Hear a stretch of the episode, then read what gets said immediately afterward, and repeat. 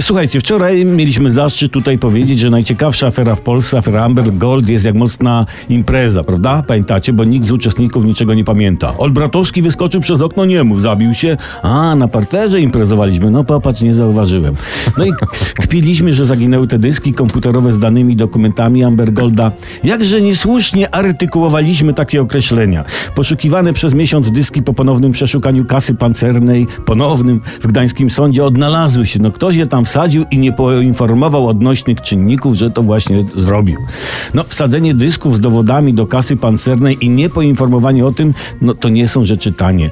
Za takie przysługi kupuje się auta, buduje się domy. Nie wiem jak wy, ale ja odnoszę wrażenie, że ktoś tam nieźle mota w sprawie Amber Gold. Ktoś, kto naprawdę stoi za tą aferą, jej mózg, ktoś naprawdę dobry pilnuje tego śledztwa. No, ma na to pieniądze z Amber Gold. Ale mózg tej całej afery może się na niej nieźle przejechać, jak pani premier na przykład limuzyną pod Częstochową, bo wychodzi na to, że koleś wyda wszystko, co zarobił na aferze, na zatuszowanie tej afery. Koszty tuszowania mogą przewyższyć zyski i zostanie z niczym jak jaki głupi.